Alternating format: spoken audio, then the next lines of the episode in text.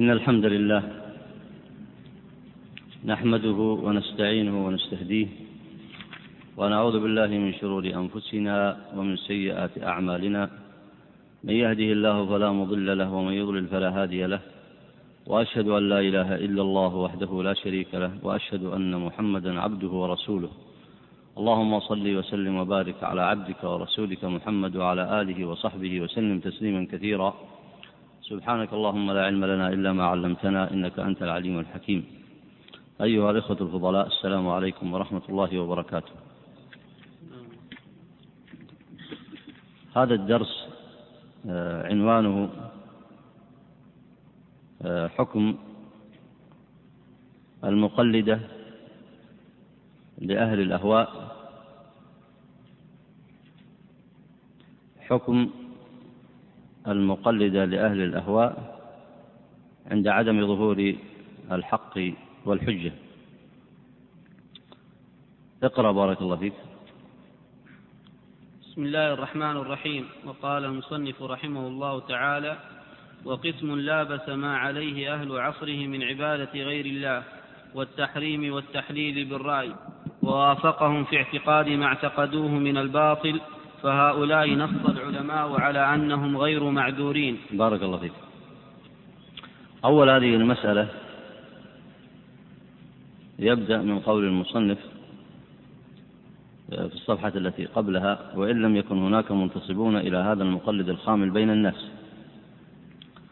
والمصنف يريد أن يدرس في هذه في هذا الموضع حكم كثير من العوام والمقلدة الذين يتابعون أهل الأهواء والانحراف عن الشريعة.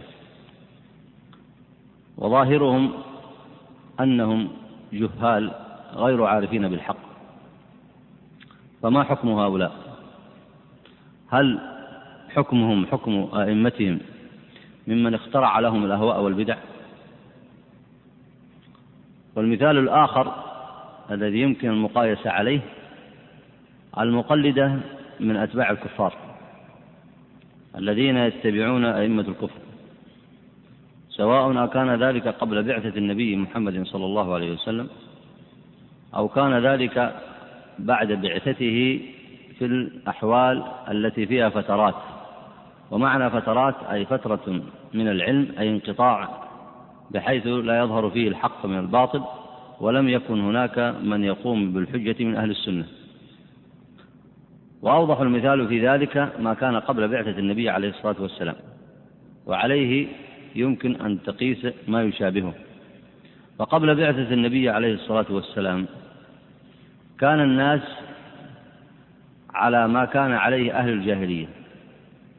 ثم إن أهل الجاهلية ينقسمون إلى قسمين.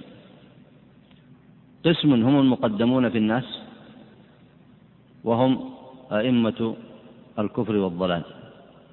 وقسم آخر وهم العوام والمقلدة يتبعون أولئك. وجملة هؤلاء يطلق عليهم اسم آه، أهل الجاهلية وهم الذين كانوا قبل بعثة النبي عليه الصلاة والسلام ويسميهم العلماء أهل الفترة. ومعنى أهل الفترة أي أنهم كانوا على حين فترة من الرسل أي لم يكن هناك نبي ولا رسول. لقد كان في تلك الفترة آثار من آثار الأنبياء من آثار نبينا إبراهيم عليه السلام. ولكن هذه الآثار لم تكن ظاهرة ولم تكن كاملة. وإلا فإن عند العرب نوع من التعبد ولذلك كانوا يحجون لكن على غير ملة إبراهيم. وكانوا يمارسون بعض عباداتهم ويخلطونها بالشرك. فلم يكن هناك دين ظاهر يقوم به نبي مرسل من عند الله عز وجل. وإنما كان الناس على حين فترة أي على حين انقطاع من العلم. فبعث الله نبينا محمدا صلى الله عليه وسلم يجدد ملة إبراهيم ويدعو لما كان يدعو إليه إخوانه من المرسلين من قبل عليهم السلام. فهؤلاء قبل ظهور النبي عليه الصلاة والسلام. ما حكمهم؟ هل يعتبرون قد قامت عليهم الحجة فيؤاخذون ويعذبون؟ أم أن الحجة لم تقم عليهم فينظر في حكمهم؟ أما المسألة التي اتفق عليها أهل العلم وهي أنهم لا يخرجون عن وصف الكفر إذ لا يكون الإنسان مسلما إلا باتباع الإسلام فهم كفار. هذه مسألة. المسألة الثانية النظر في حكمهم. هل يعذبون قبل قيام الحجة أم لا؟ ومتى تقوم عليهم الحجة؟ وإذا نظرت إلى هذه المسألة فإنه عند قيام الحجة يصبح هؤلاء في حكم الدنيا كفار متوعدون بالعذاب والخلود في النار يوم القيامة لأنهم لا يخلو أمرهم من حالين. عند ظهور الحجة وظهور الحجة الرسالية وبعثة الرسول إما أن يتبعوه وإما ها؟ وإما أن يعرضوا عنه. فإن اتبعوه فهم أهل النجاة وأهل الإسلام. وإن لم يتبعوه فهم أهل الكفر وهم معذبون حينئذ لأنه قد قامت عليهم الحجة الرسالية.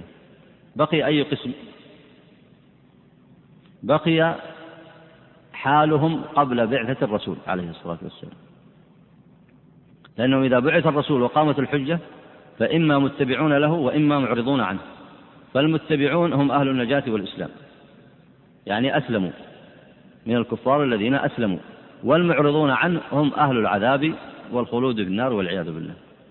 قبل بعثة الرسول هم كفار إلا أنه إلا أن العلماء نظروا فيهم هل هم معذبون في الآخرة أم يحتاجون إلى إقامة حجة؟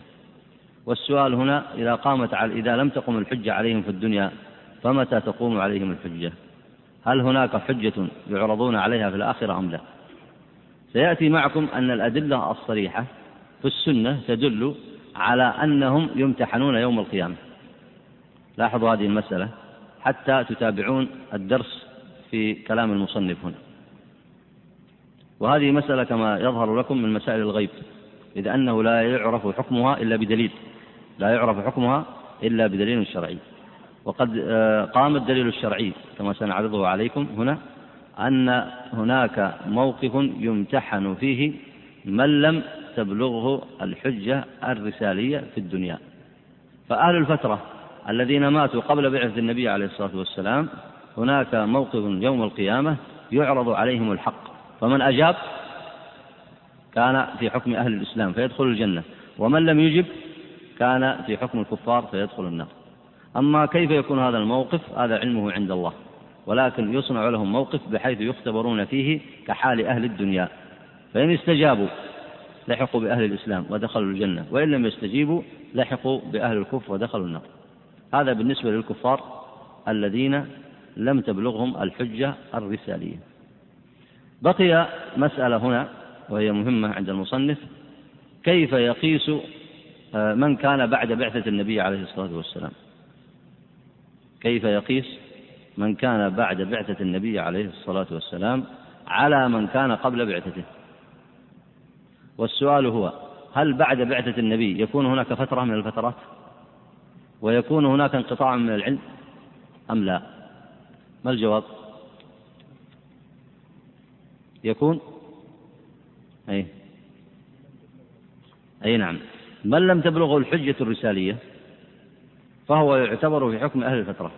بمعنى لو أن إنسان مثلا آه، في منطقة لم يعمل في لم يعلم فيها بخبر الرسول صلى الله عليه وسلم.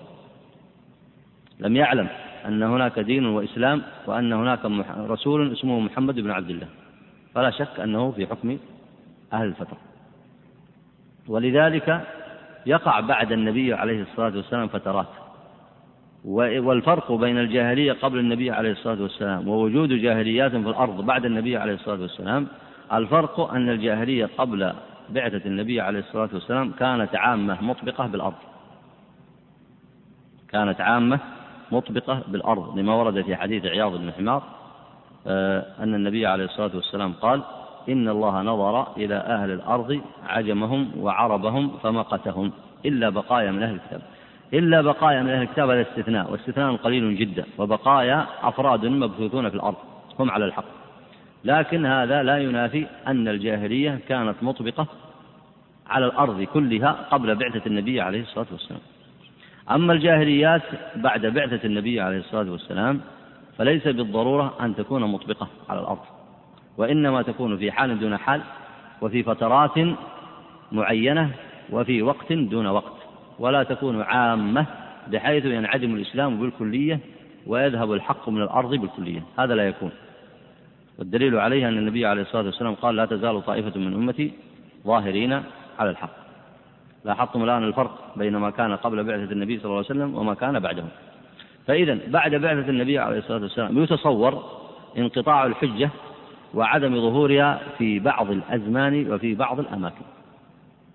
ومن هنا نشأ عند المصنف هذا البحث وهو أتباع أهل الأهواء ومثله أتباع الأمم الكافرة. وأئمة الكفر. هؤلاء الذين يتبعون أهل الأهواء ينقسمون إلى قسمين إما عالمون بالحجة وإما غير عالمين بها. ويظهر هذا التقسيم من الناحية العملية أي أن يكون هناك أهل سنة ظاهرون بالحق أو لا يكون. فإن كان عندهم قائم لله بحجة في أمر السنة فهنا يعتبرون غير معذورين. لماذا؟ لأن حكمهم حكم الكفار لما ظهر فيهم النبي عليه الصلاة والسلام. هل يكونوا معذورين أو لا؟ ها؟ لا يكونون معذورين لأنهم إما أن يتبعوا الرسول فهم أهل نجاة وإما أن يعرضوا عنه فهم أهل العذاب. لاحظت؟ وهذا إذا كان ظاهر أحد فيهم بالسنة إما أن يتبعوه وإما أن يعرضوا عنه. فإن أعرضوا فإن اتبعوه فهم أهل سنة وإن أعرضوا عنه فهم متعرضون للعقوبة. لاحظت الآن؟ المقلدة من أهل الأهواء. إن ظهر فيهم أهل السنة وظهر فيهم عالم بالسنة فلا يخلو حالهم من أمرين. إما أن يتبعوه ويتركوا مشايخ الضلال والطرق وغيرها فهم أهل اتباع للسنة. وإما أن يعرضوا عن أهل السنة ويبقوا مع مشايخهم على الضلالات فهم معرضون للعذاب لاحظتم الآن السبب الذي ربط المصنف هنا بين أهل الفترة ومن بعدهم من أتباع أهل الأهواء. لعل هذه المقدمة تساعدكم على معرفة مقصود المصنف فيما عرضه في كتابه رحمه الله. اقرأ من قوله وإن لم يكن هناك منتصبون إلى هذا المقلد الخامل. وإن لم يكن هناك منتصبون إلى هذا المقلد الخامل بين الناس مع أنه قد نصب نفسه منصب المستحقين ففي تأثيمه نظر ويحتمل أن يقال فيه إنه آثم. ونظيره مسألة أهل الفترات العاملين تبعا لآبائهم واستقامة لما عليه أهل عصرهم من عبادة غير الله وما أشبه ذلك وما أشبه ذلك لأن العلماء يقولون في حكمهم إنهم على قسمين. إذا الآن المصنف سيربط المقلدة من أتباع أهل الأهواء ومثله المقلدة من أتباع الكفار في جميع العصور. سيربط هؤلاء بمن؟ يربطهم بمن؟ بأهل الفترة. فعندك مسألة مهمة هي وهي حكم أهل الفترة لأنه سينبني الحكم في المقلدة من أهل الأهواء على الحكم في أهل الفترة قبل بعثة النبي عليه الصلاة والسلام. أي نعم. إنهم على قسمين. قسم غابت عليه الشريعة ولم يدري ما يتقرب به إلى الله تعالى. فوقف عن العمل بكل ما يتوهمه العقل أنه تقرب إلى الله ورأى ما أهل عصره عاملون به مما ليس لهم فيه مستند إلا استحسانهم فلم يستفزه ذلك عن الوقوف عنه وهؤلاء هم الداخلون حقيقة تحت عموم الآية الكريمة وما كنا معذبين حتى نبعث رسولا.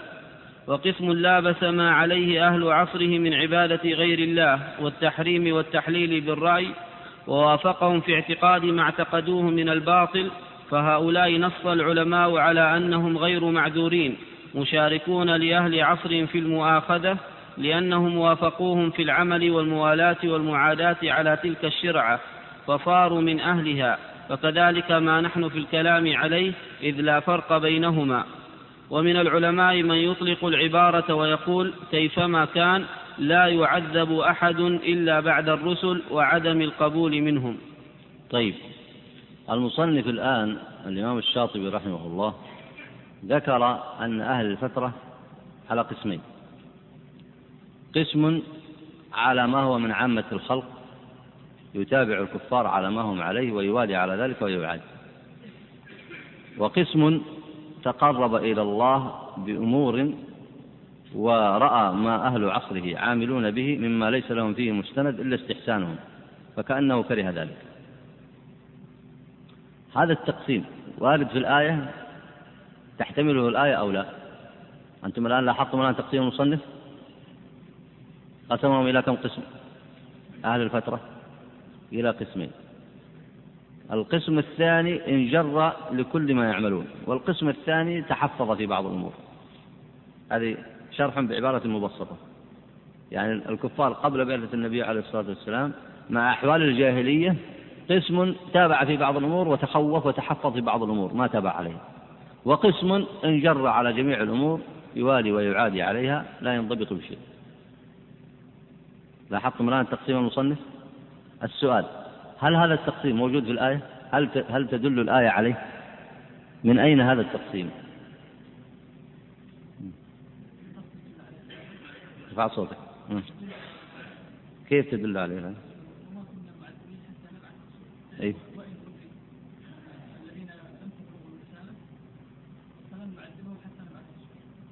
الآية كما ذكرت بارك الله فيك. وما كنا معذبين حتى نبعث رسولا. أي ما كنا معذبين أحدا. طيب.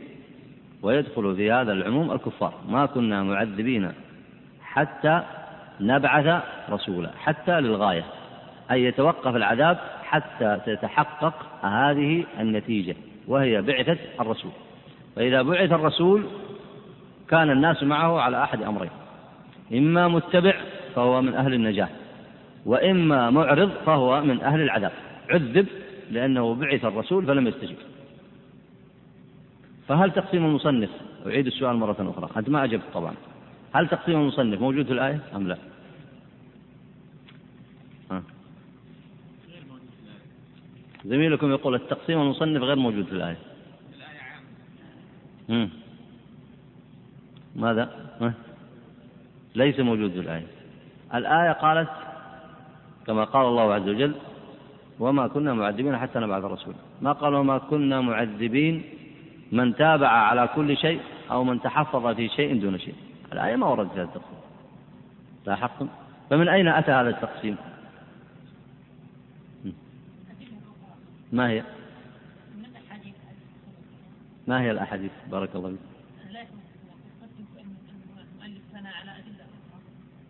طيب تعرف الأدلة اللي بنوا عليها المصنف؟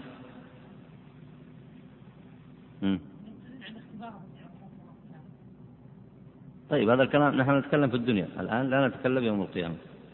الكلام في الدنيا. هل في الآية هنا؟ وطبعا والكلام أيضا في الآخرة. هل يعذب في الآخرة الكفار قبل بعثة النبي عليه الصلاة والسلام بدون قيام حجة؟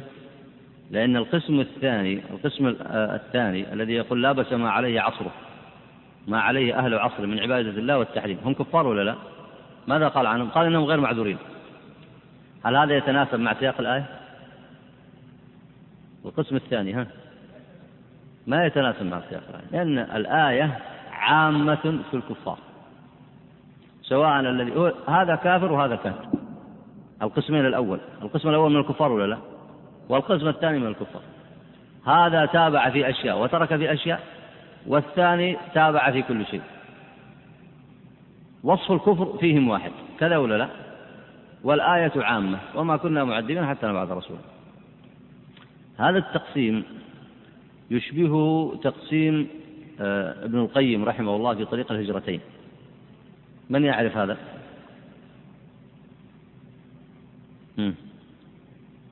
ولذلك تراجعون بعد هذا الدرس كلام ابن القيم في طريق الهجرتين وباب السعادتين. فإنه ذكر الحكم حكم أهل الفترة. آه، من صفحة 652 إلى 662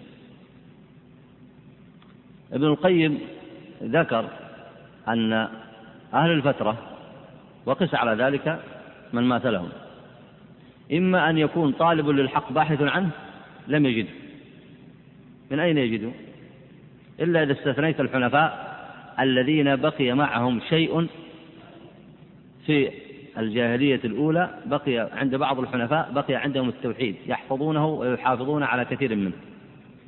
لكن لم يكن الأمر ظاهرا لأن من رحمة الله إن لم يكن الأمر ظاهرا وبين فإنه لا يرتبط به لا ترتبط به المؤاخذة.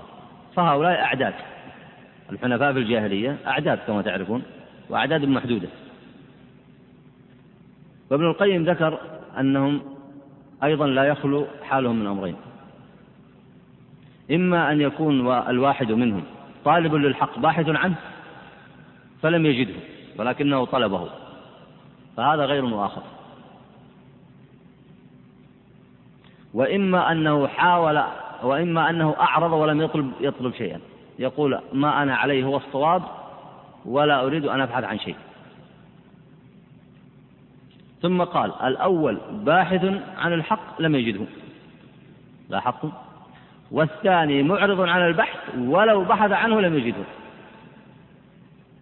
لاحظتم الآن؟ وش الفرق إذا بين القسمين؟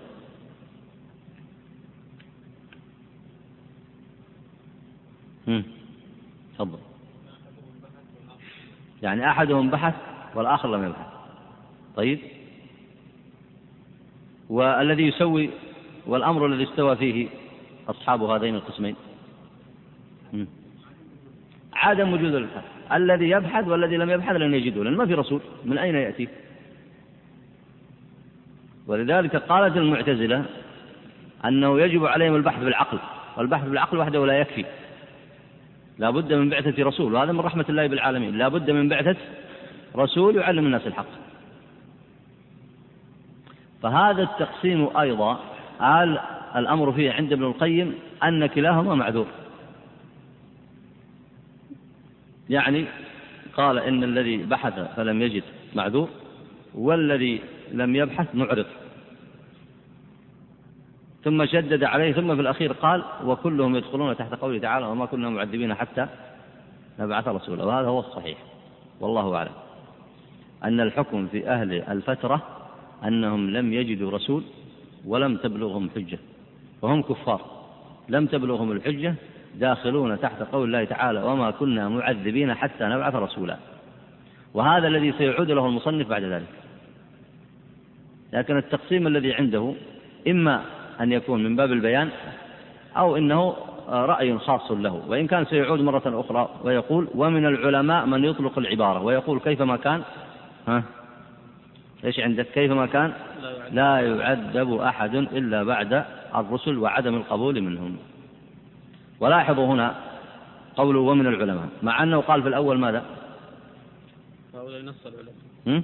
نص العلماء. نص العلماء. وقال لأن العلماء لاحظ. فكان الأولى به أن يقول لأن بعض العلماء. والخلاف وارد في أهل الفترة. لكن العمل بعموم الآية وبالأحاديث كما سيأتي قال لأن العلماء يقولون في حكمهم. الأولى أن يقول لأن بعض العلماء. لأن هذه المسألة خلافية والصواب فيها العمل بعموم الآية وما سيأتي معكم من الأحاديث. تفضل سيدي.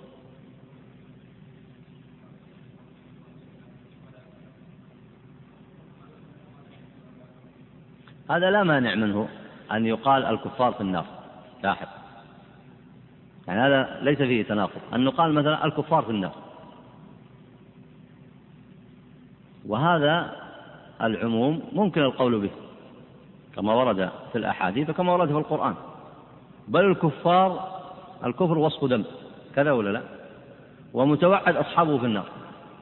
ولا مانع حينئذ من الاستثناء. فينظر في حكم الآية وما كنا معذبين حتى نبعث رسولا. لأن هذا نص وهذا نص أليس كذلك؟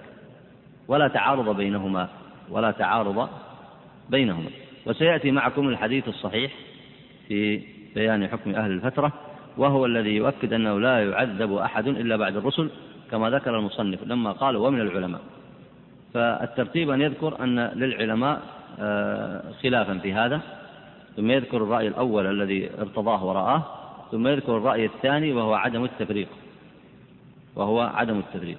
يدل عليه حديث الأسود آه، بن سريع. وهذه راجعوا كله راجعوا هذا الأمر في كتاب طريق الهجرتين أيضا وفي كتب آه، المحدثين. أن النبي صلى الله عليه وسلم قال أربعة يوم القيامة رجل أصم لا يسمع شيئا. ورجل أحمق. ورجل هرم. يعني أحمق لا يميز لا يميز بين الأمور. ورجل هرم. خرف بحيث لا يدري ما يقول ولا يفهم ما يلقى إليه. ورجل هرم. ورجل مات في فترة. ورجل مات في فترة. يعني في فترة لم يبلغه فيها رسول. ورجل مات في فترة. فأما الأصم فيقول ربي لقد جاء الإسلام وما أسمع شيئا. وأما الأحمق فيقول ربي لقد جاء الإسلام وما أعقل شيئا. وأما الذي مات في الفترة فيقول ربي ما أتاني لك رسول. فيأخذ مواثيقهم لا يطيعن لا يطيعنه لا يطيعنه ويرسل إليهم أن ادخلوا النار.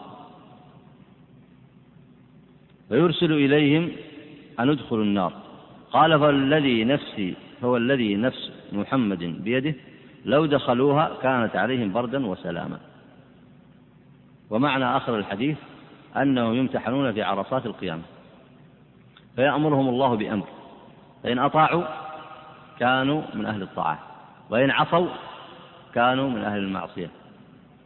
فيلحقون بأهل الإسلام إذا كانوا من أهل الطاعة استجابوا لأمر النبي عليه الصلاة لأمر الله عز وجل والأمر فيهم شديد يليق بانكشاف كثير من الأحوال لهم في الآخرة. والأمر فيهم شديد يأمرهم الله عز وجل بدخول النار. فإن أطاعوه فإن هذه الطاعة تدل على استجابتهم فيلحقون بأهل الإسلام. وإن لم يطيعوه دل ذلك على استحقاقهم للعقوبة كما قال النبي عليه الصلاة والسلام وهو الذي نفس محمد بيده لو دخلوها لكانت عليهم بردا وسلاما. هذا الحديث رواه أحمد والبيهقي وصححه. وابن أبي عاصم في السنة عن أبي هريرة. وقال الهيثمي رجاله رجال الصحيح وصححه الشيخ الألباني من المعاصرين. وانظر تفصيل هذا القول في طريق الهجرتين وباب السعادتين. وهناك روايات أخرى كثيرة لهذا الحديث. كلها تدل على أنهم يمتحنون وتؤخذ عليهم المواثيق لا يطيعن الله ربهم. فإن أظهروا الطاعة لحقوا بأهل الإسلام. وإن أظهروا عدم الطاعة والاستجابة لحقوا بأهل الكفر. وهذا الحديث يجعل الناس في مقدمهم على ربهم لا يخرج حالهم من أمرين. إما أن يكون رجل بلغته الحجة فيكون مسلما ولا ولا يدخل الجنة كما في الحديث إلا نفس مسلمة. وإما رجل لم تبلغه الحجة. عفوا وإما رجل بلغته الحجة فلم يقبل طاعة الله عز وجل. فهذا من أهل النار. إما رجل بلغته الحجة فكان مسلما فهذا من أهل الجنة. وإما رجل بلغته الحجة فلم يكن مسلما فهذا من أهل النار. وحال الناس لا يخلو من هذين الأمرين. بقي السؤال وهو من لم تبلغه الحجة؟ أين تبلغه؟ لأنه قطعا. هناك قوم في الأرض لم تبلغهم الحجة. بيقين. هناك قوم في الأرض لم تبلغهم الحجة. أو لم يسمعوا بخبر الرسول. كأهل الفترة ومن في حكمهم. لاحظتم الآن. هؤلاء إذا لم تبلغهم في الدنيا أين تبلغهم؟ هم؟ تبلغهم في عرصات القيامة. ومن لم يذهب إلى هذا القول ويعمل بالحديث فإن الأمور لا تنتظم في يده. كيف لا تنتظم في يده؟ إن قال إن الكفار الذي لم تبلغهم الحجة في النار فإنه يلزمه معارضة قول الله تعالى وما كنا معذبين حتى نبعث رسولا. وإن قال في الجنة فإنه يعارض قول النبي عليه الصلاة والسلام لا تدخل الجنة إلا نفس مسلمة. كيف يدخل الجنة وهو كافر؟ طيب وإن قال ليس في الجنة ولا في النار أيضا معارض بأن الناس إما في الجنة وإما في النار. ومن أخذ بالسنة بحديث آه، الأسود بن سريع وغيره من حديث أبي هريرة وفق بين الآيات والأحاديث. أي نعم. وهذا إن ثبت قولا هكذا فنظيره في مسألتنا أن يأتي عالم أعلم من ذلك المنتصب يبين السنة من البدعة. فإن راجعه هذا المقلد في أحكام دينه ولم يقتصر على الأول فقد أخذ بالاحتياط الذي هو شأن العقلاء ورجاء السلامة. وإن اقتصر على الأول ظهر عناده لأنه مع هذا الفرض لم يرضى بهذا الطارئ. وإذا لم يرضه كان ذلك لهوى داخله وتعصب جرى في قلبه مجرى الكلب في صاحبه. وهو إذا بلغ هذا المبلغ لم يبعد أن ينتصر لمذهب صاحبه ويحسنه ويستدل عليه بأقصى ما يقدر عليه في عموميته وحكمه قد تقدم في القسم قبله. فأنت ترى صاحب الشريعة صلى الله عليه وسلم حين بعث إلى أصحاب أهواء وبدع وقد استندوا إلى آبائهم وعظمائهم فيها وردوا ما جاء به النبي صلى الله عليه وسلم وغطى على قلوبهم رين الهوى حتى التبست عليهم المعجزات بغيرها كيف صارت شريعته صلى الله عليه وسلم حجة عليهم على الإطلاق والعموم وصار الميت منهم مسوقا إلى النار على العموم من غير تفرقة بين المعاند صراحا وغيره. وما ذلك إلا لقيام الحجة عليهم بمجرد بعثته وإرساله لهم مبينا للحق الذي خالفوه. فمسألتنا شبيهة بذلك فمن أخذ بالحزم فقد استبرأ لدينه ومن تابع الهوى خيف عليه الهلاك وحسبنا الله. يعني ما هي مسألة المصنف هنا؟ التي سيقيسها على مسألة أهل الفترة. كرر هذا القول. قال ومسألتنا هنا. ما هي مسألته؟ من يذكر الجواب؟ أيوة. المبتدعة من المقلدة. هل يعذرون بادعائهم الجهل أم لا؟ فالمصنف يريد أن يجيب على هذا السؤال. فيقول إن حال هذا المقلد إما أن يكون هناك منتصب بالحجة قائما بالسنة فلا يخلو أمر هذا المقلد من حالين. إما أن يتبع هذا المنتصب بالسنة الذي معه الأدلة الشرعية ويبين السنة فهو حينئذ متابع للسنة من أهل النجاة. وإما أن يعرض عنه بالكلية ويبقى مع أهل الأهواء فهذا معرض للعقوبة. والأول إنما نجا لاتباعه السنة. والثاني عرض للعقوبة لأنه أعرض عن الحجة ولم يسمع لها. لاحظتم الآن؟ بقي إذا لم يجد الحجة ولم يظهر له الحق في ذلك. لم يكن أحد هناك ينتصب بالحق بحيث يعلمه. هذا الذي سيكمل المصنف الكلام عليه. ولذلك الصنف هذا الذي ذكرته هنا قاسه على الكفار لما بعث النبي عليه الصلاة والسلام. فإن فإنه قد كان لهم أئمة يتبعونهم هؤلاء المقلدة من الكفار. فلما ظهر النبي عليه الصلاة والسلام فيهم كانوا بين أحد أمرين إما أن يتبعوه كما صنع الصحابة وغيرهم فهؤلاء أهل النجاة أهل الإسلام وإما أن يبقوا مع أئمتهم من أهل الجاهلية ويدعوا خبر الرسول ويعرضوا عنه. فهؤلاء من أهل العقوبة. لاحظتم الآن؟ ولذلك لا ينفعهم ادعاء التقليد والجهل بعد ظهور الحجة الرسالية. فكذلك أتباع أهل الأهواء. لا ينفعهم عذرهم بعد ظهور السنة. لاحظتم الآن وجه القياس بين الأمرين؟ أي نعم. اقرأ بارك الله فصل. ولنزد هذا الموضع شيئا من البيان فإنه أكيد. لأنه تحقيق مناط الكتاب وما احتوى عليه من المسائل فنقول وبالله التوفيق. هو اهتمامه بهذا الموضوع لأنه يريد أن يجيب على شبه كثيرة. لأن تخلية العام والقول بأنه معذور إذا وقع في الأهواء أو الشرك أو غيره هكذا على الإطلاق ليس هذا مذهبا للسلف والقول بأنه لا يعرف أصلا ولا يمكن أن يدرك ولا يفهم ولم تظهر له الحجة هكذا بإطلاق هذا ليس بصحيح. لأن هناك من ظهرت له الحجة. فإذا ننظر هل اتبع أو لم يتبع. فإن اتبع فهو من أهل النجاة وإن لم يتبع فهو من أهل العقوبة. ثم الذي يدعي الجهل بعد ذلك ننظر في شأنه هل هناك منتصب بالسنة وبالحق أم لا؟ فإن لم يكن هناك منتصب بالسنة على الإطلاق بحيث أشبه أهل الفترة فنحيله إلى حكم أهل الفترة.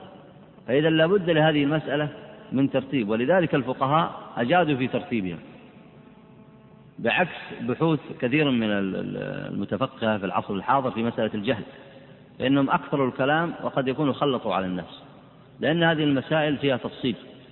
فمثلا أصلا عند الفقهاء مدعي الجهل لا يقبل عذره أصلا إلا بدليل. يعني هل كل من ادعى الجهل وأنه مقلد يقبل عذره هكذا؟ ولا لابد من دليل؟ قد يدعي الجهل وليس بصادق. ممكن ولا لا؟ قد يدعي الجهل والعلم ظاهر. ممكن هذا أو لا؟ فما يقبل مثل القضاة مثلا الآن. إذا جاء إنسان ارتكب كبيرة أو وقع في موجب الحد الشرعي فقال أنا أجهل. هل يصدقون كل من يقول أنا أجهل؟ إذ لو صدقوا كل مدعي للجهل لسقطت العقوبات. ولذلك قال الفقهاء في كتبهم يقبل الجهل ممن يجهل مثله. كيف ممن يجهل مثله؟ ضربوا لذلك أمثلة. مثل الرجل حديث عهد بالإسلام لو جاء وادعى أنه يجهل هذه المسألة ما يعرف حكمها نأتي برجل مثله قريب عهد بالإسلام أسلم. فنفتش فيه. فنجد فعلا يجهل مثل هذه المسائل. فإذا الأول مثله لأنهم من مكان واحد أو في في غربة ما يعرفون الحق. فنصدقه. لكن لو جئنا بنظيره أو مثيله فوجدناه لا يجهل ما يمكن نصدق هذا فليست دعوى الجهل تقبل في كل حال. وإنما تقبل دعوى الجهل إذا ثبت فعلا أن صاحبه يجهل. ثم إذا جئنا أيضا في دعوى الجهل. قد يعتقد الإنسان أنه يجهل وهو معرض عن الحق بعد قيام الحجة ويظن عند نفسه أنه ليس بملزم بهذه الحجة وهذا ليس بصحيح. بل إن الحجة إذا ظهرت والسنة إذا ظهرت فإن على كل الناس أن يفكروا فيها ويتدبروا ويعملوا أنظارهم ويتبينوا الحق. فإن, فإن أعرضوا عن مطلقا ولم يتبينوا شيء فهؤلاء معرضون. هذا ما يسمى جاهل. هذا يسمى معرض على الحق لا ين لا يلتفت إليه. فإن قلت معرض على الحق لا يجده فهذا ما يسمى معرض لأنه لم يجد الحق لم يعرفه. لكن إذا ظهرت السنة وترك طلبها ومعرفتها فهذا ما يقال جاهل. هذا معرض عن التعلم.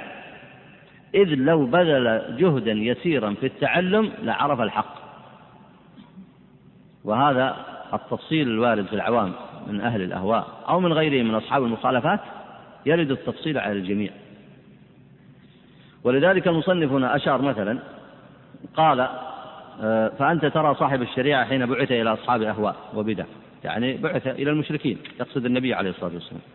وقد استندوا إلى آبائهم وعظمائهم فيها أي في أهوائهم وبدعهم. وردوا ما جاء به النبي صلى الله عليه وسلم وغطى على قلوبهم رين الهوى. حتى التبست عليهم المعجزات بغيرها. قامت عليهم الحجة ولا ما قامت؟ مع أنها التبست عليهم الأمور ولا ما التبست؟ لكن ما سبب الالتباس؟ ها؟ أحسنت. سبب الالتباس الإعراض سبب الالتباس بسببهم هم. ولذلك يعتبرون مجرمون معرضون على الحق. وسبب الالتباس جاء من فتورهم عن البحث أو نقصهم في التأمل أو في الالتفات إلى آبائهم وترك حجة الرسول. فكذلك المقلد من أهل الأهواء. إذا ظهر فيهم ظهرت فيهم الحجة بالسنة ثم لم يلتفتوا إليها. حتى وإن التبست لهم التبست عليهم الأمور. الالتباس بسبب ماذا؟ بسبب إعراضهم على الحق وعدم تعلمه. اي نعم. اقرأ بارك الله إن لفظ أهل الأهواء وعبارة أهل البدع إنما تطلق حقيقة على الذين ابتدعوها وقدموا فيها شريعة الهوى بالاستنباط والنصر لها والاستدلال على صحتها في زعمهم حتى عد خلافهم خلافا وشبههم منظورا فيها ومحتاجا إلى ردها والجواب عنها كما نقول في ألقاب الفرق من المعتزلة والقدرية والمرجئة والخوارج والباطنية ومن أشبههم بأنها ألقاب لمن قام بتلك النحل ما بين مستنبط لها وناصر لها وذاب عنها كلفظ أهل السنة إنما يطلق على ناصريها وعلى من استنبط على وفقها والحامين لدمارها. بارك الله فيك. أه سيعود المصنف ويقول إن أهل الأهواء يدخل فيهم أهل البدع الذين أسسوها وأنشأوها أئمتهم. ويلحق بهم أيضا أتباعهم من المقلدة. سيعود ويذكر هذا الأمر وهو الصحيح. ثم إن قوله آه، إن أهل السنة يطلق على ناصريها وعلى ما استنبط على وفقها والحامين لذمارها هذا الواجب أن يلحق به فيقول وكذلك من اتبعها. لأن نصرة الناس للسنة تتفاوت فكذلك أتباع أهل السنة من العوام يلحقون بهذا الوصف. وإذا قيل لما, لما يلحقون به؟ فالجواب أنهم عاملون بالسنة معتقدون لها. يصبحون من أهل السنة أو لا؟ وكل من اعتقدها وعمل بها فهو من أهلها سواء أكان من المتقدمين في نصرتها الفاقهين المستنبطين للأحكام فيها أم لا. لأن الناس العلم ليسوا على درجة سواء فيهم العالم والفقيه المستنبط والمجتهد وأيضا من حيث النصرة ليسوا على درجة سواء فيها من ينصرها ينصر السنة بنفسه وماله ومن ينصرها بالجهاد منهم من ينصر ذلك بتطبيق أحكامها ويتفاوتون ومنهم من ينصرها بقدر المستطاع ومنهم من يعتقدها ويعمل بها فهؤلاء كلهم داخلون فيها. فقوله إنما يطلق على ناصريها وعلى من استنبط على وفقها والحامل لذمارها الواجب أن يلحق به أيضا فيقول أن يلحق به أيضا فيقول وكذلك العوام العاملون بها المعتقدون لها فهم داخلون في أهل السنة. أي نعم. ويرشح ذلك أن قول الله تعالى إن الذين فرقوا دينهم وكانوا شيعا يشعر بإطلاق اللفظ على من جعل ذلك الفعل الذي هو التفريق وليس إلا المخترع أو من قام مقامه. وكذلك قوله تعالى ولا تكونوا كالذين تفرقوا واختلفوا وقوله فأما الذين في قلوبهم زيغ فيتبعون ما تشابه منه فإن اتباع المتشابه مختص بمن انتصب منصب المجتهد لا بغيرهم وكذلك قول النبي صلى الله عليه وسلم حتى إذا لم يبقى عالم اتخذ الناس رؤساء جهالا فسئلوا فأفتوا بغير علم فأقاموا أنفسهم مقام المستنبط للأحكام الشرعية المقتدى به فيها بخلاف العوام فإنهم متبع متبعون لما تقرر عند علمائهم لأنه فرضهم فليسوا بمتبعين للمتشابه حقيقة ولا هم متبعون للهوى وإنما يتبعون ما يقال لهم كائنا ما كان فلا يطلق على العوام لفظ أهل الأهواء. حتى يخوضوا بأنظارهم فيها ويحسنوا بنظرهم ويقبحوا. على أية حال هنا قوله فلا يطلق على العوام لفظ أهل الأهواء.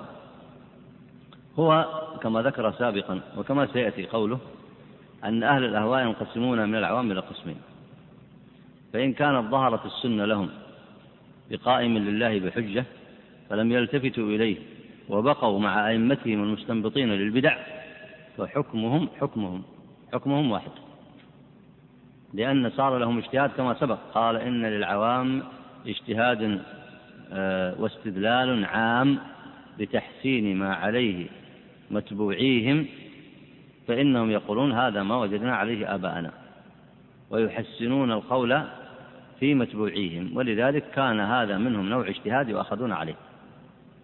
ولذلك سأذكر لكم مختصرا لهذه التقسيمات لأن المصنف يقسم آه، آه، شقق في هذه المسألة تقسيمات كثيرة وذلك لطول نفسه في الموضوع لكنه سيعود بعد ذلك فيقرر كما سيأتي معكم بنصه بأن العوام ينقسمون العوام المقلدة لأهل الأهواء ينقسمون إلى قسمين وهنا جعلهم قسما واحدا وسيأتي كلامه. فالأقرب هذا فالأقرب من ذلك أن يكون التقسيم أخصر من هذا. وسأملي عليكم تقسيما آه، مختصرا يناسب آه، فيما ظهر لي ترتيب الأدلة الشرعية في هذا الموضوع. أي نعم. اقرأ بارك الله وعند ذلك يتعين للفظ أهل الأهواء وأهل البدع مدلول واحد وهو من انتصب للابتداع ولترجيحه على غيره وأما أهل الغفلة عن ذلك والسالكون سبيل رؤسائهم بمجرد التقليد من غير نظر فلا فحقيقة آه، بقي من يتابعونهم بالتحسين فإنه يعتبر ماذا؟ يعتبر مجرد تقليد ولا نوع اجتهاد؟ الدرس الماضي ماذا قال المصنف؟ يعتبر نوع اجتهاد ولا بالتقليد؟ فلذلك الذين يتبعون من العوام المقلدة يتبعون أئمتهم على أهوائهم فإنهم إذا حسنوا ما عليه متبوعيهم كما أشرت فإنهم يعتبر ذلك منهم نوع اجتهاد فيؤاخذون على ذلك. نعم. أما قوله في فيما سبق آه، عن أهل البدع إنما تطلق حقيقة على الذين ابتدعوها وقدموا فيها شريعة الهوى بالاستنباط فلا بد أن تضيف إليه كلامه السابق حتى يستقيم الكلام. وقوله حتى عد خلافهم خلافا. هذه العبارة مجملة. والمصنف لا يقصد أن خلاف أهل البدع معتبر. لا يقصد هذا لكن من باب التنبيه خلاف أهل البدع والأهواء ليس معتبر. يعني لما تحكم مسائل الخلاف عند أهل العلم فإنما تذكر آراء أهل الأهواء للرد عليها ولا اعتبار أنها رأي من آراء أهل الإسلام المعتبرين ولا تذكر لمجرد الرد عليها. يعني أنت في مسألة فقهية تقول مثلا في المسائل الخلاف وللعلماء في ذلك؟ ها؟ مثلا إذا كان مسألة خلافية تقول وللعلماء في ذلك؟ قولان القول الأول ودليله كذا والقول الثاني ودليله كذا ثم تقول ماذا؟ الترجيح. إذا جئت في مسائل أهل الأهواء مثلا نفي الرؤيا تقول وللعلماء فيها قولان؟ هذا لماذا لا يقول العلماء ذلك؟ لأن خلافهم غير معتبر لا في مسائل الإجماع ولا في مسائل النظر وإنما يذكر رأيهم للرد عليهم فلا تعرض آراءهم إذا قلت هذا يعد خلافه يعني مثل مسائل الفقه يعد فيها خلاف العلماء فيقال فيها قول قولين أو ثلاثة ثم ينظر في الراجح. أما في مسائل أهل البدع والأهواء فلا يعد خلافهم خلافا ما يعتبر خلافهم في كلام أهل العلم ولا ينقل على أنه من مسائل العلم لأنهم أصلا هم ليسوا بعلماء لا يوصفون باسم العلم الذي هو المدح. ولذلك سموا أهل العلم ولا سموا أهل الأهواء؟ تبين. سموا ماذا؟ سموا أهل الأهواء. فهم لا يعدون في أهل العلم بحال من الأحوال. ولذلك لا يعد خلافهم خلافا في أهل الملة آه، من أهل السنة المعتبرين بإظهار الحق. لا يعتبر هذا وإنما يذكر قولهم للرد عليهم. ماشي اقرأ بارك الله فحقيقة المسألة أنها تحتوي على قسمين مبتدع ومقتد به. فالمقتدي به كأنه لم يدخل في العبارة بمجرد الاقتداء لأنه في حكم المتبع المتبع. والمبتدع هو المخترع أو المستدل على صحة ذلك الاختراع. وسواء علينا كان ذلك الاستدلال من قبيل الخاص بالنظر في العلم أو كان من قبيل الاستدلال العامي. فإن الله سبحانه ذم أقواما قالوا إنا وجدنا آباءنا على أمة وإنا على آثارهم مهتدون. لاحظتم الآن؟ أراد أن يقول أيضا هنا أن المقلد لأهل الأهواء الذين تابعوهم وحسنوا الظن بهم حتى قال قائلهم إنا وجدنا آبانا على أمة. وهذه هذا الذي وجدناه على طريقة مشايخنا وطريقة من سبقنا. فإذا قالوا ذلك فهذا استدلال منهم. لاحظ. وإن لم يكن يفصل الأدلة وإن كان ما يعرف المسائل وإن كان حتى لا يعرف أن يرتب كلمات معدودات آه، واحدة على الأخرى إلا أنه عنده استدلال عام متعصب لأهل الأهواء والبدع فهو يلحق بهم فهو يلحق بهم. إذا ظهرت السنة وتبينت وانجلت ثم بقي على اتباع أهل الأهواء فلا يقال حينئذ أنه مستثنى بل كما قال المصنف هنا ولذلك سماه قال من قبيل الاستدلال العامي أي يضاف إليه. يعني أن العوام لهم استدلال والعلماء لهم استدلال. فهذا العامي إذا استدل ولو بدليل إجمالي ولذلك قال أيضا آه، بعد ذلك فكأنهم استدلوا إلى دليل جملي. يعني بالجملة ليس عندهم تفصيل. لكن عندهم استصواب لشبه أهل الأهواء والبدع وتابعوهم عليها فهم يلحقون بها. مثل آه، أتباع أهل السنة. أتباع العلماء من أهل السنة. هل الأتباع هؤلاء يعرفون تفصيل العلم كما يعرفون العلماء؟ لا يعرفون. لكن عندهم استدلال عام بأن هؤلاء أهل السنة وأهل الحق ثم تابعوهم على ذلك أو لا. فلما كان منهم ذلك واعتقدوا السنة قولا وعملا فكانوا من أهل السنة وإن كانوا عواما وإن كانوا عواما. وكذلك المقلد من أهل الأهواء. إذا تابعوا أئمتهم واستحسنوا ما عندهم في ذلك وكان لهم نظر استدلالي أو جملي ولو بالجملة فإنهم أيضا يلحقون بهم. أي نعم. فكأنهم استدلوا إلى دليل جملي وهو الآباء إذ كانوا عندهم من أهل العقل وقد كانوا على هذا الدين وليس إلا لأنه صواب فنحن عليه لأنه لو كان خطأ لما ذهبوا إليه. أي هذه حجة كثير من المقلدة ولذلك لا تقبل. لأن الله عز وجل أمرهم باتباع البرهان ولا أمرهم بتصويب أتباع متبوعيهم بدون برهان. هذا لو كان لو كان لو كان هذا خطأ ما ذهبوا إليه. هل هذا حجة وبرهان؟ هذا مما يدل على نوع من الإعراض عن تبين الحجة والبرهان ولذلك آه، كانوا مؤاخذين بقولهم هذا ويعتبر هذا منهم اجتهاد في اتباع البدع والأهواء. إي نعم. وهو نظير من يستدل على صحة البدعة بعمل الشيوخ ومن يشار إليه بالصلاح ولا ينظر إلى كونه من أهل الاجتهاد في الشريعة أو من أهل التقليد ولا إلى كونه يعمل بعلم أو بجهل ولكن مثل هذا يعد استدلالا في الجملة من حيث جعل عمدة في اتباع الهوى واطراح ما سواه فمن أخذ به فهو آخذ بالبدعة بدليل مثله. لاحظتم الآن؟ هذا صريح كلام المصنف.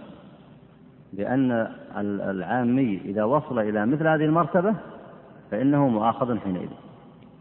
ولا يعتبر آه، مقلدا لا نظر له بل يعتبر هذا منه نظر وإن كان محدودا. إي نعم. ودخل في مسمى أهل الابتداع إذ كان من حق من كان هذا سبيله أن ينظر في الحق إن جاءه ويبحث ويتأنى ويسأل حتى يتبين له الحق فيتبعه والباطل فيجتنبه. ولذلك قال تعالى حتى يتبين له الحق فيتبعه. أي نعم. والباطل أي نعم. حتى يتبين له الحق فيتبعه والباطل فيجتنبه. ولذلك قال تعالى ردا على المحتجين بما تقدم قل أولو جئتكم بأهدى مما وجدتم عليه آباءكم؟ نعم. قال أحسنت. نعم هذا المكرر فيها المحقق الخطأ أو يكون في الأصل. أي نعم. وفي الآية الأخرى وإذا قيل لهم اتبعوا ما أنزل الله قالوا بل نتبع ما ألفينا عليه آباءنا. فقال تعالى أولو كان آباؤهم لا يعقلون شيئا ولا يهتدون. وفي الآية الأخرى أولو كان الشيطان يدعوهم إلى عذاب السعير وأمثال ذلك كثير. وعلامة من هذا آه، شأنه أن يرد خلاف مذهبي بما قدر عليه من شبهة دليل تفصيلي أو إجمالي. يعني يرد خلاف مذهبه يعني يرد آه، يرد الحق. ومثله في الكفار ما سبق في الآيات. فإنهم لم يبحثوا على البراهين والحجة بل اكتفوا في ردها بقولهم آه، بل وجدنا إنا وجدنا آبانا على أمة. وهذا لا يخليهم من المسؤولية. مسؤوليتهم لما تجلى لهم الحق وظهر أن يبحثوا عنه ويعملوا به ويتبعوه. فكل هذه الأجوبة هذه لا يمكن أن يقال أن أجوبتهم تدل على أنهم ليسوا من أهل النظر ولا من التفكير فيعذرون. كلا. بل هذه أجوبتهم يؤاخذون بها. ولذلك وإذا قيل لهم اتبعوا ما أنزل الله قالوا بل نتبع ما ألفينا عليه آبانا ما عندهم استعداد يبحثون عن الحق. ولا عندهم استعداد أن يتعلموا الحق. فحينئذ هم مؤاخذون وإن كانوا من العوام وإن كانوا من الجهال. مع الجهال يعني من بسطاء التفكير ومن الذين لا يفرقون كثيرا بين دقائق الأمور. فليست العقوبة محصورة على الذين يفرقون بين دقائق الأمور من الكفار أو المبتدعة أو من الذين عندهم قدرة على الاجتهاد والاستنباط والنظر من الكفار أو المبتدعة. ليست العقوبة محصورة في هؤلاء بل العقوبة أيضا شاملة لأمثال هؤلاء. من الجهال المقلدة الذين يعرضون عن الحق ويعتذرون بمثل هذه الأعذار الفاسدة. فأنت إذا نظرت في أحوالهم وجدتهم بسطاء. لا يحسنون التدقيق في الأمور. لكن الحق لا يحتاج إلى تدقيق لأن الحق في كلياته وأصوله وعقائده الأساسية إذا جاء به رسول أو ظهر به عالم بالسنة فإنه ظاهر بين. فكان عليهم أن, أن يتعلموا ويتبعوا.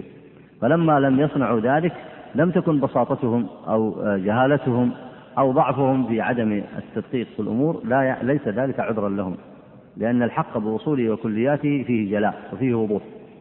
وعدم آه، اتباعهم له إنما هو بسبب إعراضهم والدليل على ذلك أن هناك جهالا مثلهم تأملوا وعرفوا الحق واتبعوه أو لا. وقع منهم ذلك أو لا؟ فلماذا أمكن هؤلاء الاتباع للحق ولم يتبع أولئك؟ مع أنهم في مرتبة واحدة من العوام والبساطة. ما الذي جعل هذا يدرك الحق ويتبعه؟ وما الذي جعل هذا لا يتبع الحق عند ظهوره؟ الذي جعل الأول هو بحثه وتأمله واتباعه. لا مسألة أن بينهم فرق في القدرات الذهنية أو الفكرية. وأما الثاني الذي لم يتبع لأنه معرض. ما هو لأنه لا يستطيع أن يفهم. بدليل من كان مثله في نفس مرتبته من التفكير والبساطة في كثير منهم اتبعوا الحق وعرفوه وعملوا به. ولذلك مثل هذه الأعذار العامة وهذا إنما يزيدهم حرجا ويحقق العقوبة عليهم ولا ينفعهم الاعتذار لأن هذا ما عليه مثلا مشايخ الطرق أو ما عليه مشايخنا أو ما عليه آه، رؤساؤنا أو ما عليه كذا وكذا. والحجة فيهم ظاهرة إنما يمدون أيديهم ليتأملوا ويعملوا بها ولكنهم لم يصنعوا ذلك وهم حينئذ مؤاخذون ومعاقبون على ما صنعوا. أي نعم. ويتعصب لما هو عليه غير ملتفت إلى غيره وهو عين اتباع الهوى وإذا ظهر اتباع الهوى فهو المذموم حقا وعليه يحفل الإثم فإن من كان مسترشدا مال إلى الحق حيث وجده. ولم يرده وهو المعتاد في طالب الحق ولذلك بادر المحققون إلى اتباع رسول الله صلى الله عليه وسلم حين تبين لهم الحق. المحقون ولذلك بادر المحقون. أي نعم. فإن لم يجد سوى ما تقدم له من البدعة ولم يدخل مع المتعاصين لكنه عمل بها. فإن قلنا إن أهل الفترة, الفترة معذبون على الإطلاق إذا اتبعوا من اخترع منهم فالمتبعون للمبتدع إذا لم يجدوا محقا مؤاخذون أيضا. وإن قلنا لا يعذبون حتى يبعث لهم الرسول وإن عملوا بالكفر فهؤلاء لا يؤاخذون ما لم يكن فيه محق. فإذ ذاك يؤاخذون من حيث إنهم معه بين أحد أمرين. أي مع الذي أقام الحجة وأظهر الحق. هؤلاء معه على أحد أمرين. أي نعم. إما أن يتبعوه على طريق الحق فيتركوا ما هم عليه وإما أن لا يتبعوه فلا بد من عناد وتعصب فيدخلون إذ ذاك تحت عبارة أهل الأهواء فيأثمون. وهذا الذي الآن انتهى إليه تقرير المصنف. فإن اتبعوا القائم بالسنة الناصر للحق فهم حينئذ أهل السنة وإن آه لم يتبعوه يقول فلا بد من عناد وتعصب. هنا ما تستطيع تقول مقلد وجاهل وما يعرف شيء. لا بد من عناد شوف لاحظ عبارته. فلا بد من عناد وتعصب أي لأهل الأهواء. فيدخلون إذ ذاك تحت عبارة أهل الأهواء فيأتمون. أي نعم. وكل من اتبع بيان سمعان في بدعته سيأتي بأمثلة الآن. سيذكر ثلاثة أمثلة. أي نعم. وكل من اتبع بيان سمعان في بدعته التي استمرت عند العلماء مقلدا فيها على حكم الرضاء بها ورد ما سواها فهو في الإثم مع من اتبع. فقد زعم أن معبوده في صورة الإنسان وأنه يهلك كله إلا وجهه. ثم زعم أن روح الإله حل في علي ثم في فلان ثم في فلان ثم في بيان نفسه. هذا بيان هو بيان ابن سمعان التميمي. من غلاة الشيعة. يقول آه، إنه حل في علي رضي الله عنه جزء إلهي ثم انتقل في ذريته حتى وصل إلى بيان هذا الذي هو بيان سمعان ثم دعا إلى نفسه وقد قتله خالد بن عبد الله القسري آه، بالعراق قبل عام 126 فلما جاء بهذا المثال قال فكذلك من تابعه على بدعته. لماذا؟ لأن الحق كان ظاهرا بينا. فإذا تركه هؤلاء المقلدة لبيان سمعان فاتبعوه وتركوا الحجة الظاهرة فهذا يدل أن فعلهم هذا نوع اجتهاد يؤاخذون به. وإن كانوا في الأصل مقلدة لكن انتقلوا عن حكم التقليد إلى المتابعة لهذا فيؤاخذون بما اتبعوه عليه وحكمهم في ذلك واحد والعياذ بالله. إي نعم. الثاني المثال الثاني. وكذلك من اتبع المغيرة بن سعد العجلي الذي ادعى النبوة مدة وزعم أنه يحيي الموتى بالاسم الأعظم وأن لمعبوده أعضاء على حروف الهجاء على كيفية يشمئز منها قلب المؤمن إلى إلحادات أخر. أي كذلك في نفس الحكم. المتبعون والمتبعين. والعلة في ذلك واحدة. والمغيرة هو المغيرة بن سعيد آه العجلي. ما هو ابن سعد؟ ابن سعيد. صحيح ينسب إلى فرقة المغيرية من غلاة الشيعة أيضا مولى لخالد القسري ادعى النبوة وغلا في علي وله ضلالات في وصف آه، في وصف الله سبحانه وتعالى. قتله أيضا خالد القسري آه، عام 120 والحكم في هذه الصورة كالحكم في الصورة التي قبلها. أي نعم اقرأ الثالث. وكذلك من اتبع المهدي المغربي المنسوب إلى كثير من بدع المغرب. فهو في التسمية المنسوب وال... إليه ها؟ المنسوب إليه كثير من بدع المغرب. فهو في التسمية والاسم مع من اتبع إذا انتصب ناصرا لها ومحتجا عليها. وقال الله شر التعصب على غير بصيرة من الحق بفضله ورحمته. آمين. هو محمد بن عبد الله بن تومر البربري آه، ادعى أنه علوي حسني وأنه معصوم. ألف عقيدة خلط فيها الخير آه، بالبدع وتوفي سنة 524 قال عنه شيخ الإسلام ابن تيمية أنه أتى بأمور منكرة وأخرى حسنة وسيأتي عند المصنف في الكلام في الجزء الثاني تفصيلات لاعتقاداتهم. أي نعم وهذه الأمثلة الحكم فيها واحد على ما ذكره المصنف في أتباع أهل الأهواء. وسأعرض عليكم إن شاء الله بعد الأذان. ملخصا آه، في هذا التقسيم الذي أطال فيه المصنف آه، يقرب المقصود ويسهل آه، إدراك هذه التقسيمات. أي نعم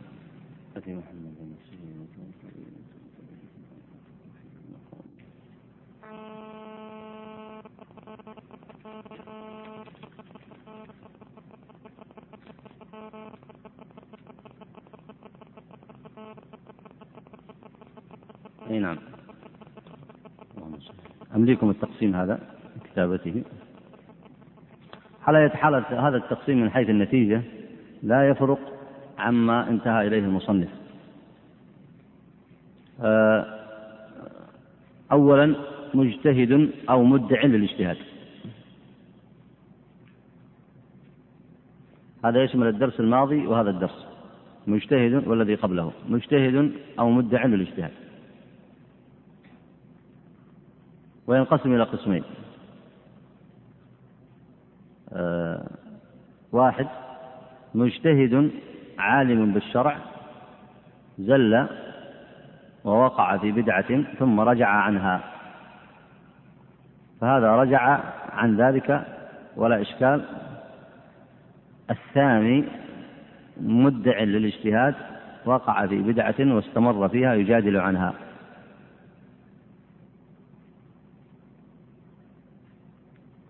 طبعا الأول رجع إلى الحق والثاني استمر على باطله فهو مبتدع مستمر على بدعه. هذا حسب تقسيم المصنف بالنسبة آه، للدرس الذي قبل الدرس الماضي. هذا أولا مجتهد أو مدعي للاجتهاد. ثانيا مقلد عامي. مقلد عامي.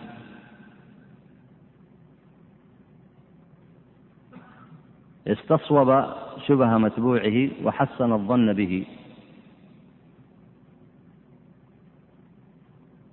مثل ما ورد في الآية إن وجدنا آباءنا على أمة. هذا يساوي في عبارات المصنف حتى تضبط كلام المصنف يساوي الاستدلال العامي. ويساوي في عباراته الاستدلال الجملي. وهذا ينقسم إلى قسمين.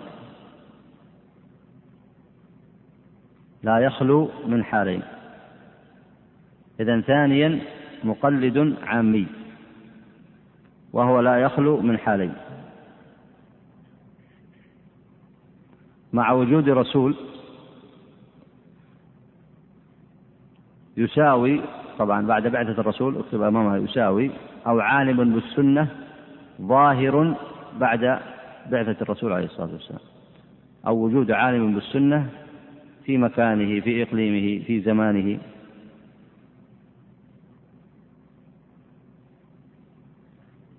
وهذا لا يخلو من قسمين.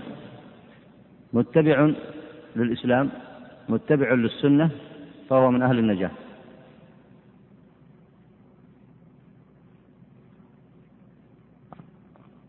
أو متبع للبدعة معرض عن السنة فهو معذب.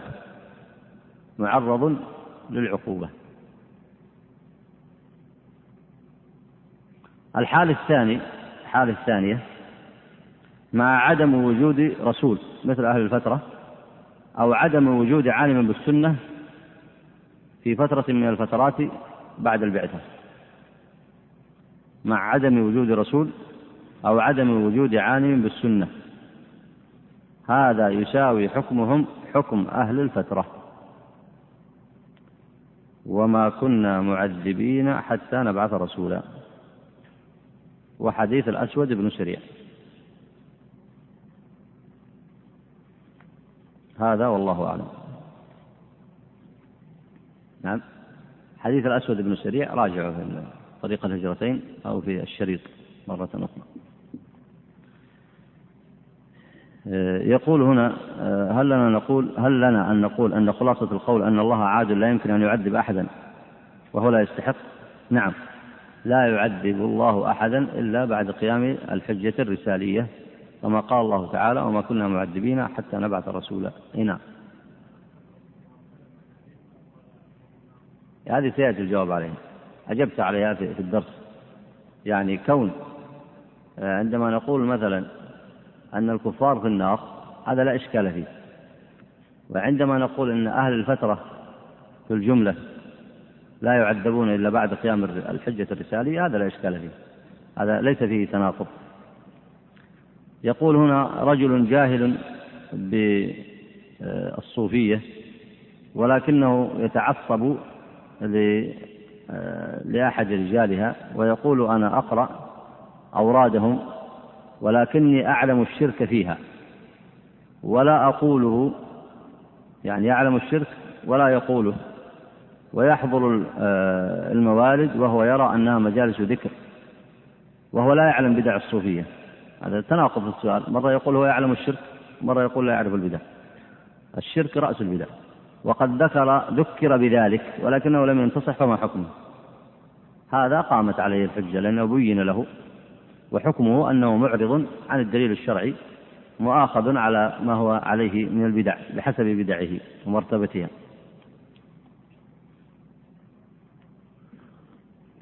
والسؤال الثاني في نفس المعنى آه، من يتبع غلاة الشيعة من المقلدة؟ أو من يتبع الشيعة من المقلدة؟ الحكم فيه ما ذكره المصنف. يعني اضبط القاعدة التي ذكرها المصنف فتنطبق معك في كل المتبعين لأهل الأهواء وتحكم فيهم إن شاء الله بمقتضى الدليل الشرعي. وأحفظ كلام أهل العلم في ذلك وأحفظ القاعدة التي ذكرها المصنف رحمه الله.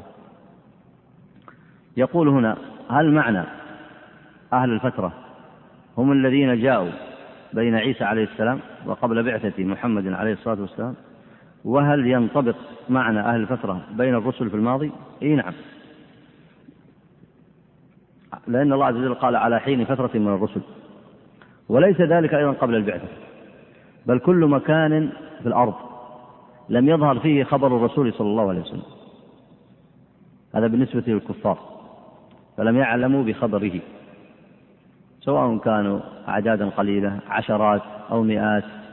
كما قال العلماء لو كان الإنسان في شاهق جبل أو كان الإنسان في مكان لا, لا لم يسمع فيه بخبر الرسول. فهذا حكمه حكم أهل الفترة. حكمه حكم أهل الفترة. لأنه يشترك في معهم في أنه لم يسمع بخبر الرسول عليه الصلاة والسلام.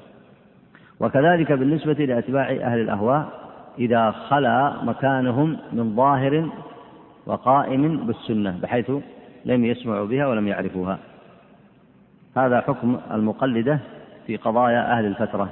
فليست أهل الفترة خاصة بما كان قبل النبي عليه الصلاة والسلام.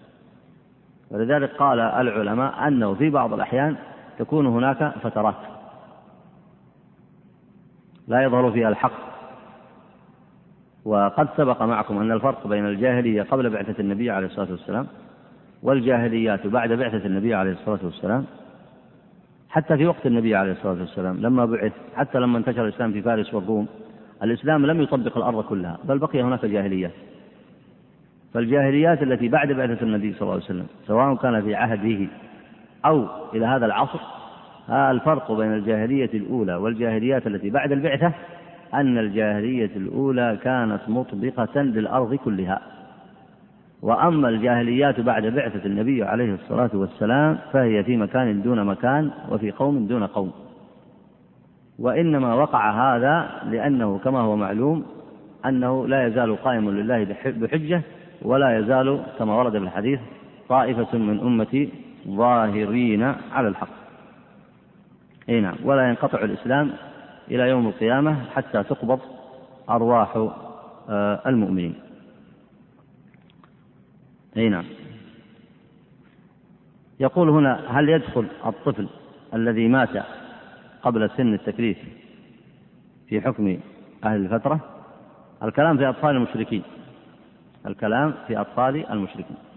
فأطفال المشركين يلحقهم العلماء المحققون في أرجح أقوالهم يلحقونهم بحكم أهل الفترة وراجعوا في هذا بحثا مفصلا لابن القيم رحمه الله في كتابه طريق الهجرتين.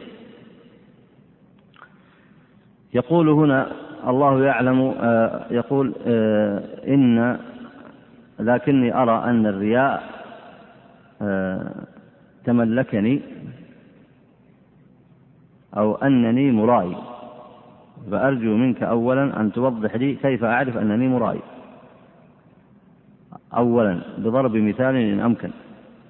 وأرجو أن تدعو الله لي أن يعينني أو أن يجنبنا الرياء والعجب بالنفس. وأن تحث الحضور على الدعاء لي وكذلك سرا. فالدعاء آه، لك إن شاء الله من الحاضرين أن يجنبك الله عز وجل الرياء ويعافيك منه. آه، الرياء آفة وهو الشرك الخفي ويفسد على الرجل عمله. أما الشرك الأكبر فيبطل العمل كله. وأما الرياء والعياذ بالله عافانا الله وإياكم منه. إذا دخل في العمل أفسده بالكلية. وبحسب ما يتمكن منه. فإن تمكن منه أفسده. ولذلك يؤتى بالرجل يوم القيامة فيقول كما ورد في الحديث اللهم إني قتلت فيك أو جاهدت فيك. فيقول الله عز وجل خذوا بعبدي إلى النار. إنما جاهدت ليقال شجاع. فنسأل الله أن يعافينا وإياكم من الرياء. فإنه آفة آفة يفسد العمل. ولا ريب أن من آه، الفتنة على الإنسان في دنياه وآخرته أن يقبل على ربه بأعمال يظنها مقبولة فإذا وجد أحكم الحاكمين سبحانه وتعالى نحى هذه الأعمال عن القبول وأقام الحجة على عبده فقال إنما جاهدت ليقال شجاع. فقد قيل ومعنى فقد قيل أي قد أخذت جائزتك التي كنت تبحث عنها في الدنيا. ويؤتى بالرجل فيقول فيما تعلمت العلم. فيقول يا رب فيك. فيقول الله عز وجل إنما تعلمت العلم ليقال عالم. فخذوا بعبدي إلى النار. ويؤتى بالرجل في فيقال له فيقول ربي أنفقت فيك أو كما قال النبي عليه الصلاة والسلام. فيقول الله عز وجل خذوا بعبدي إلى النار إنما ليقال كريم. فالرياء والعياذ بالله مفسد للعمل ويكفي عافانا الله وإياكم أن يرد الرجل على الله. وقد خلف الدنيا كلها خلف ظهره وخلف الناس الذي يعمل لهم وخلف من وراءه ممن يطلب رغبته أو رهبته. في الدنيا أو ممن يسعى إليه أو يتقرب إليه أو تلك المجالس التي يتزين فيها أو ما يقصده عند الناس من رغبة أو رهبة أو ما يقصده من مال أو منصب ثم يقدم على الله ثم ينحي الله تلك الأعمال فتذهب هباء لا يبالي الله بها بحال من الأحوال وكما في الحديث يقول ربنا عز وجل أنا أغنى الشركاء عن الشرك.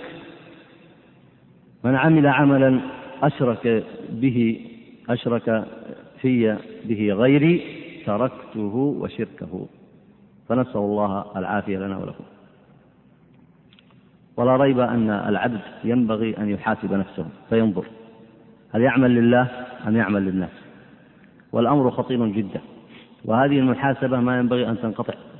وسؤال السائل في خوفه على نفسه أمر طبيعي. فإن من لم يخف على نفسه من الرياء هلك. ولذلك حق لكبار الصحابة أنهم يخافون على أنفسهم. بل كان الرجل منهم يخاف على نفسه حتى إنه مع عظيم أعماله التي يقدمها بين يدي الله عز وجل إنه ليقول ليتني شجرة أعبد. ويقول الآخر لو أحببت أن أقابل الله لا علي ولا لي. على ما قدموه من الخير ونصروا فيه الحق وقدموا أنفسهم وأموالهم وظهر صدقهم وهم يعلمون سبحان الله يعلمون أن الله زكاهم. فانظر بعبد يعلم أن الله زكاه وأن الله رضي عنه ويعلم ذلك. وسمع ذلك من النبي عليه الصلاة والسلام. كما كان عمر فإن عمر يعلم أنه مبشر بالجنة ومع ذلك كان يخاف على نفسه وهذا شأنهم وشأن من كان على طريقهم.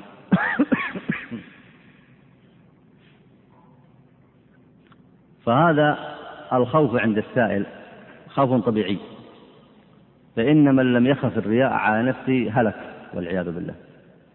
ومن زكى نفسه هلك لأن الله عز وجل يقول ولا تزكوا أنفسكم هو أعلم بمن اتقى. فمن صدق مع الله صدق صدقه الله. ولذلك حق على الإنسان أن يحاسب نفسه في كل صغيرة وكبيرة. وأما هذا السائل فنسأل الله العافية لنا وله. وينبغي لكل إنسان أن يخاف على نفسه. لكن من معالجة أسباب الرياء أن تتقي الله عز وجل. وتعلم أن أعمالك هذه لا تغني عنك من الله شيئا إلا أن يقبلها الله.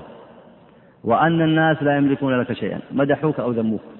ولذلك العاقل لا يلتفت إلى ما في أيدي الناس ولا يلتفت إلى ما عند أهل الأرض من مناصب أو سمعة أو مدح. لا يلتفت إلى مدح ولا يلتفت إلى ذم وإنما ينظر ماذا يريد الله منه. فيعمل ابتغاء وجه الله عز وجل. فمن صنع ذلك فقد نصح لنفسه. ثم عليه بعد ذلك أن يكثر من أعمال السر من الصلاة في الليل ولو ركعة أو ركعتين ثم يكثر من التسبيح والاستغفار ثم يكثر من الإخبات بين يدي الله عز وجل. ويعلم أن الله كما وفقه للطاعة فإن من عظيم فإنه ينتظر أن يوفقه الله للقبول. وإذا وفقه الله لانشراح الصدر أو زيادة الإيمان والقرب من الله فإنه لا بد أن يعلم أنه محتاج أن يحفظه الله ويكلأه حتى يلقاه على ذلك.